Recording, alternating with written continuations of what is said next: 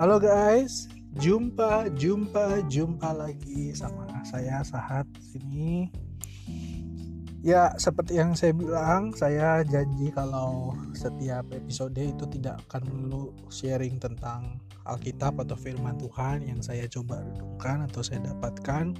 Tapi saya juga akan sharing beberapa hal yang uh, mungkin bisa jadi pelajaran dalam kehidupan kita ya mungkin itu dari sesuatu yang sehari-hari ataupun juga mungkin kadang-kadang sesuatu yang uh, lagi happening gitu ya. Mungkin lagi viral atau lagi booming dan dibahas di mana-mana.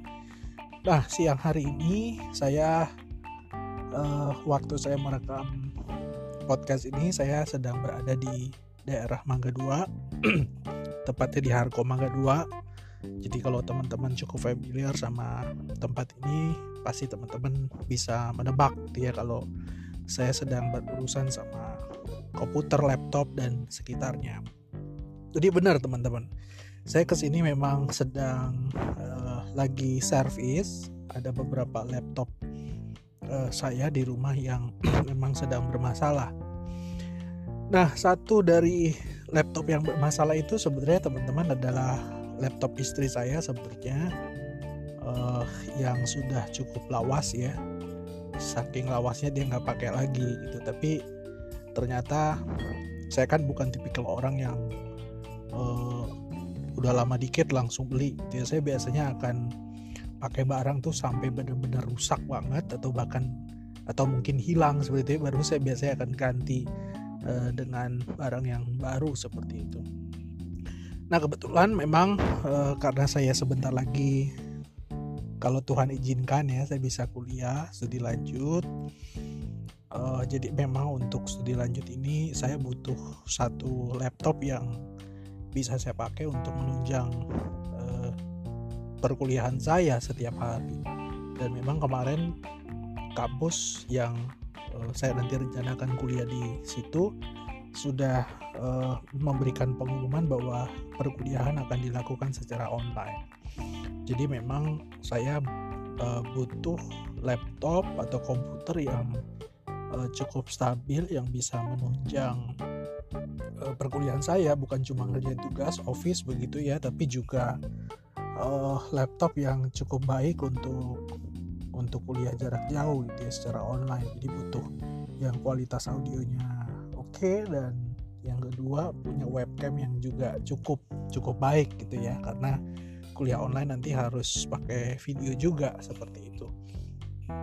Nah, uh, mungkin yang saya mau ceritain ini sebenarnya sebuah kejadian yang lucu, walaupun bukan lucu yang lucu-lucu gimana gitu ya, tetapi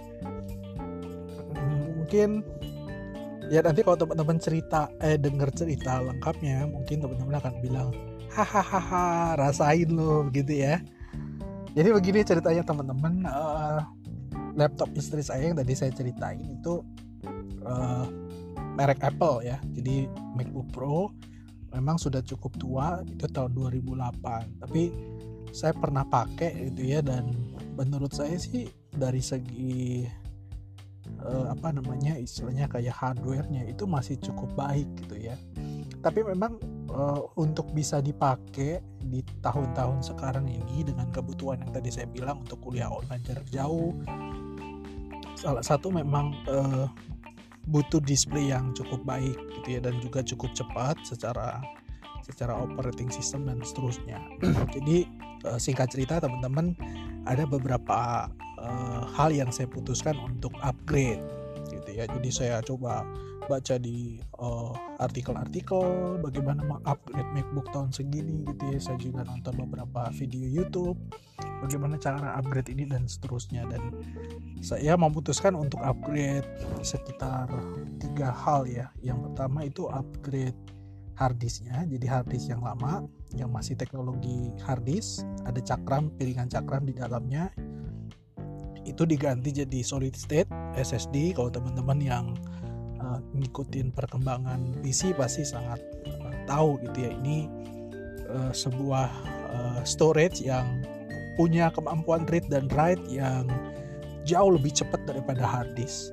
Yang kedua karena dia bukan uh, intinya bukan cakram atau disk yang berputar secara mekanis maka uh, di PC itu pasti akan sangat tidak seberisik hard disk karena hard disk kan disk uh, cakram yang berputar ya. Sesuatu yang berputar kan akan menimbulkan bunyi dan seterusnya. Jadi saya upgrade itu terus yang kedua saya upgrade memori. Teman-teman uh, untuk RAM-nya ya random access memory itu sangat perlu. Kalau misalkan kita pakai aplikasi-aplikasi tertentu karena itu butuh uh, RAM. Dan kalau misalkan kita multitasking pakai beberapa aplikasi maka kita harus punya RAM yang cukup jadi saya putuskan untuk upgrade uh, hard disk ke HDD ke SSD yang kedua saya upgrade RAM-nya tadi dari 2 GB menjadi 4 eh, 8 GB gitu ya. Lalu kemudian yang terakhir tadi kan harddisknya diganti sama SSD gitu ya. Lalu harddisk yang lamanya dikemanain dong gitu ya. Ya opsinya kan ada beberapa teman-teman. Yang pertama kita nggak pakai sama sekali mungkin SSD yang tadi sudah cukup untuk operating system aplikasi maupun untuk data kita. Atau yang kedua kita bisa jadikan uh, hard disk eksternal. Nah cuma dalam pertimbangan saya hard disk eksternal ini uh, cukup cukup apa ya cukup repot gitu ya. Cukup repot karena ya saya mesti bawa-bawa terpisah. Yang berikutnya mesti dikonek-konek juga pakai kabel dan seterusnya. Nah saya uh, baca di forum lihat di YouTube dan segala macam ternyata biasanya kalau orang upgrade uh, MacBook harddisknya diganti jadi SSD itu biasanya harddisk yang lamanya tetap bisa dipakai dan kita bisa tetap tanam di dalam uh, body ya di dalam mainboard. Tapi mesti beli satu alat yang namanya KD dia seperti kayak adapter yang mirip seperti DVD ROM yang lama MacBook lama itu masih ada DVD ROM-nya teman-teman. Lalu kemudian kita tempelin ke situ lalu kemudian kita cabut koneksinya dan segala macam dan kita pasangin lagi. Dan uh, untuk semua upgrade ini saya coba cek beberapa tempat servis dan uh, uh, untuk harga ganti barangnya dan biaya pasangnya itu lumayan mahal gitu ya. Bisa pasangnya aja kalau saya bandingin misalkan saya, saya bandingin harga barangnya di uh, online shop seperti itu lalu kemudian sama harga yang diberikan sama tukang servis itu upah masaknya aja minimal 300 ribu. Dia misalkan ganti SSD ada yang saya uh, cek itu untuk 128 itu sekitar 900 ribuan sama biaya pasang. Kalau mau yang 240 sampai 250 giga itu bisa 1,2 juta sementara saya dan itu juga kita nggak tahu ya uh, SSD-nya merek apa gitu ya. Lalu saya coba cek di online shop, saya ketemu ada beberapa opsi untuk SSD. Akhirnya kemarin saya jatuhkan pilihan untuk membeli merek SanDisk ya. Nah, SanDisk ini merek yang cukup terkenal juga. Saya juga sudah ikuti beberapa review dan menurut saya not bad. dan itu jatuh di harga sekitar 780.000 kemarin untuk sekitar 240 GB. Sebenarnya kalau hanya untuk operating system dan aplikasi itu sudah sangat-sangat cukup gitu ya. Uh, jadi 240 cuma 780 bandingkan kalau kita ke tukang servis itu 900 ribu baru dapat 120-an jadi ya ongkos pasangnya itu lumayan mahal sebenarnya begitu juga dengan RAM ada beberapa yang saya tanya upgrade 8 GB itu 1,8 paling murah 1,2 gitu ya. Sementara kalau kita cuma kalau kita beli uh, barangnya doang di online shop saya kemarin beli itu dapat sekitar 950.000 untuk 8 GB dan itu untuk merek memori atau RAM yang cukup baik buatan Korea kalau nggak salah ya.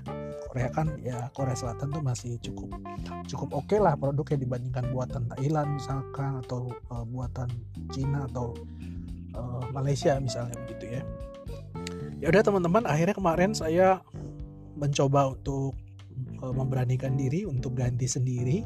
Jadi untuk tiga hal tadi saya upgrade gitu ya ganti uh, berubah ke SSD lalu kemudian saya upgrade RAM sendiri dan hasilnya berhasil. Jadi saya bisa ganti semuanya itu dan saya pakai dengan stabil kurang lebih sekitar seminggu lebih lah ya. Jadi memang tidak ada masalah. Jadi saya hemat budget cukup banyak. Mungkin kalau dihitung-hitung bisa sejuta lebih kali ya untuk upgrade ke tiga hal tersebut.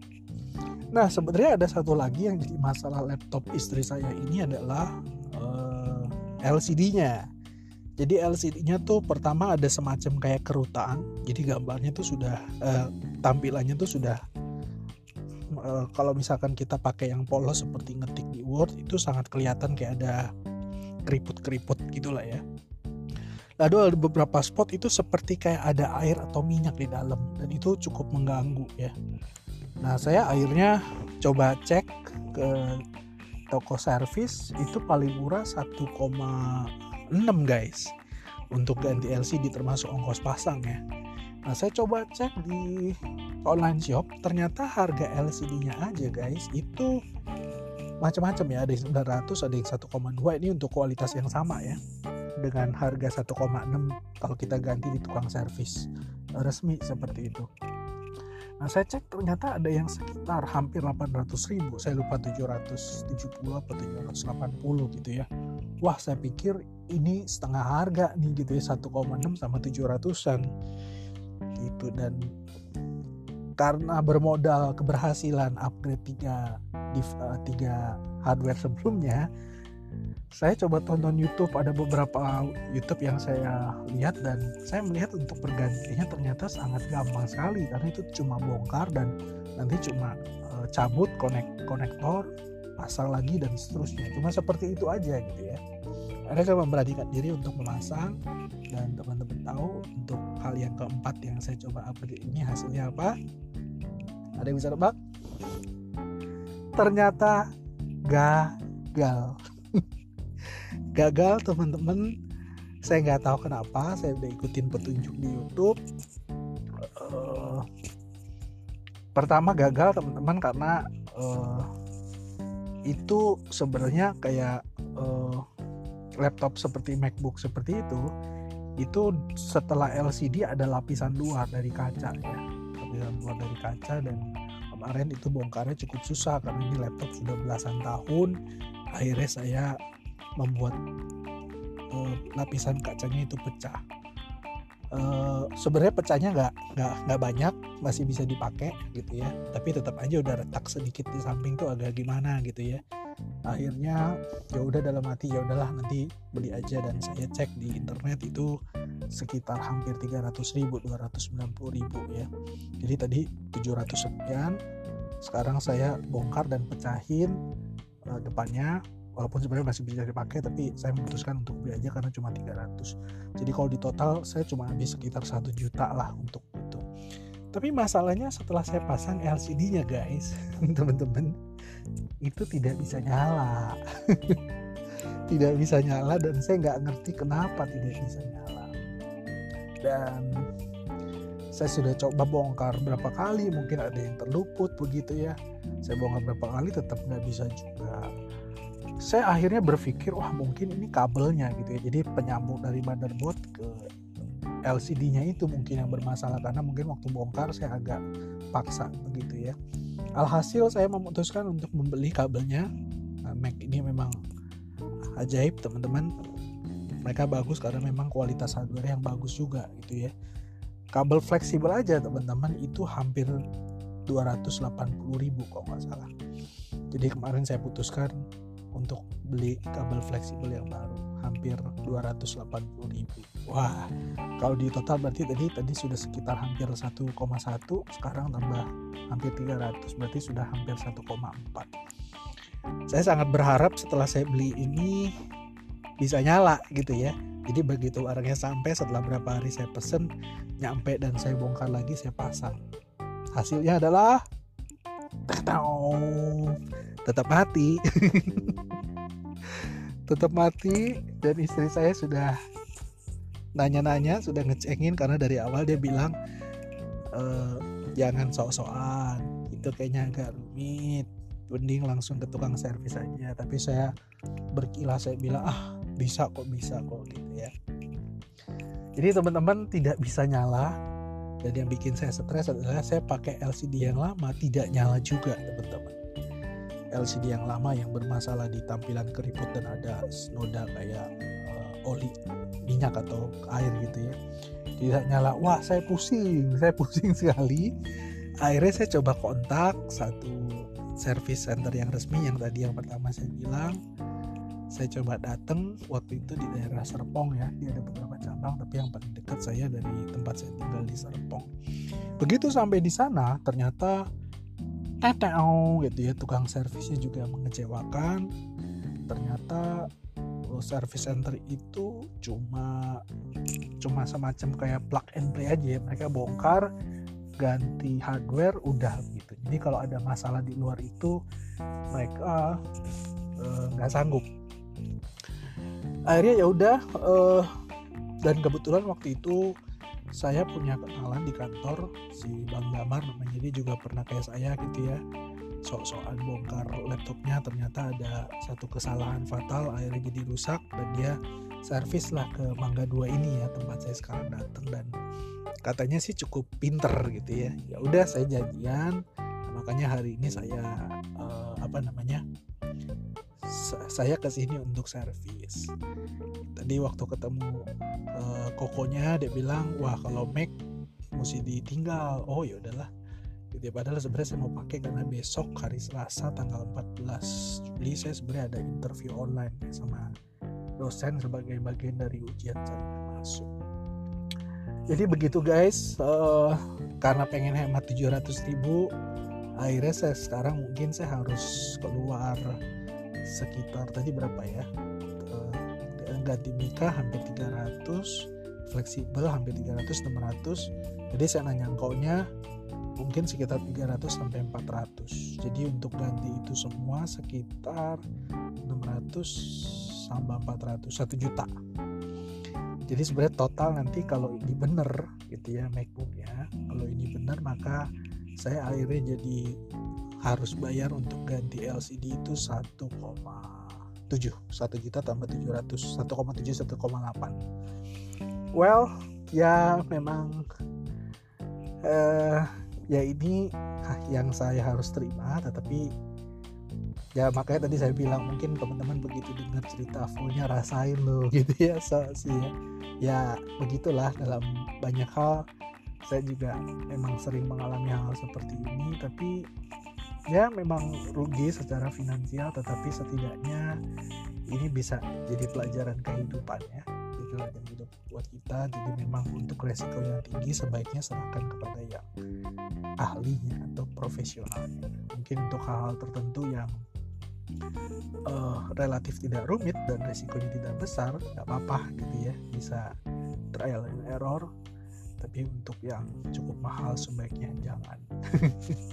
Mungkin nanti istri saya kalau dengar podcast ini dia akan ngakak-ngakak. Tapi itulah uh, saya sahat. Saya memang orang teknik.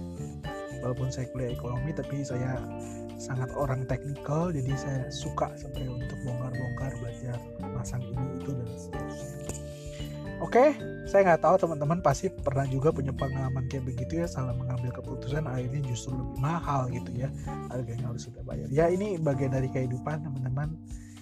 Uh, ya semoga kita bisa saling belajar lah ya untuk bisa memutuskan lebih baik. Oke, sampai jumpa di episode mendatang. See you.